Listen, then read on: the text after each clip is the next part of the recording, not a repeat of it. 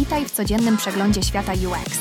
Każdego dnia przeszukuję najpopularniejsze artykuły z ostatnich 24 godzin, aby dostarczyć Ci najświeższe i najciekawsze informacje. Przygotuj się na krótkie, ale treściwe podsumowanie najnowszych trendów i innowacji w User Experience. Gotowi? Zaczynamy! Dzisiaj, 28 grudnia, zapraszam Was na kolejną odsłonę UX Shortcast. W artykule numer 1 w obliczu przemian, czy projektanci powinni się dostosować czy buntować, Michael F. Buckley bada dylemat, przed którym stoją projektanci w dobie wzrostu znaczenia sztucznej inteligencji. Ponieważ AI przekształca branżę projektową, profesjonaliści stoją na rozdrożu. Dostosować się do nowych ról, które mogą rozmyć ich istotę, czy też dążyć do prawdziwej twórczej wolności.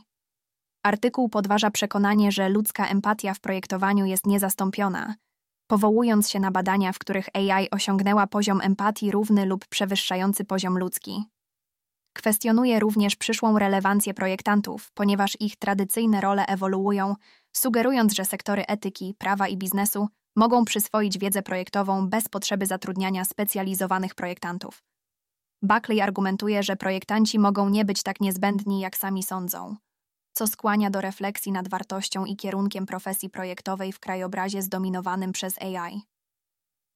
W artykule numer 2, zatytułowanym Google Maps odświeżający krok w dobrym kierunku, Robert Schenk świętuje najnowszą aktualizację Google Maps, która rozwiązuje wcześniejsze problemy związane z użytkowaniem, które wcześniej krytykował. Zmodernizowana funkcja Pomoc w wyborze pasa ruchu oferuje teraz wyraźne wskazówki wizualne dotyczące zmiany pasa ruchu, co redukuje stres kierowcy na skomplikowanych autostradach. Udoskonalono także komunikaty głosowe, wprowadzając instrukcje oparte o punkty orientacyjne, co czyni nawigację bardziej intuicyjną i jest zgodne z tym, jak kierowcy postrzegają otoczenie. Ponadto, Aktualizacja wprowadza ulepszony kontrast kolorów, co poprawia czytelność w bezpośrednim świetle słonecznym i ułatwia różnicowanie pomiędzy obszarami nieprzeznaczonymi do jazdy, takimi jak trawa i woda. Schenk docenia te zmiany i uznaje wagę opinii użytkowników w napędzaniu ewolucji produktu. W artykule numer 3 o znaczącym tytule Samo zniszczenie w branży projektowania UX Olesia Wdowenko nakłania projektantów do rozpoznania własnej roli w wyzwaniach branży. Wdowenko odnosi się do stanu UX w 2024 roku, autorstwa Teixeiry i Bragi, przywołując kwestie takie jak automatyzacja AI, nasycenie rynku, komodyfikacja, finansjalizacja i rozpad zaufania użytkowników. Artykuł podkreśla znaczenie profesjonalnej terminologii w zachowaniu integralności dziedziny UX.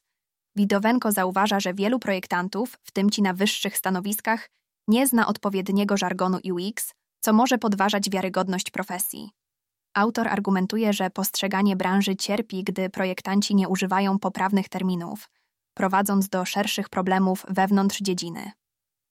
W artykule numer 4 zatytułowanym Po prostu kompilacja zabawnych memów dla projektantów i programistów zamiast podsumowania roku 2023 Ilia Fedorenko z UX Planet oferuje lekką odskocznię od typowych podsumowań końca roku. Artykuł przedstawia starannie dobraną kolekcję memów, które rezonują z doświadczeniami projektantów i programistów. Te memy z humorem dotykają tematów takich jak złożoność systemów projektowania, wyzwania związane z tłumaczeniem badań klientom, dziwactwa pracy zdalnej oraz żartobliwa rywalizacja między projektantami a programistami. Artykuł ma na celu dostarczenie dawki śmiechu i poczucia wspólnoty wśród społeczności projektantów i programistów.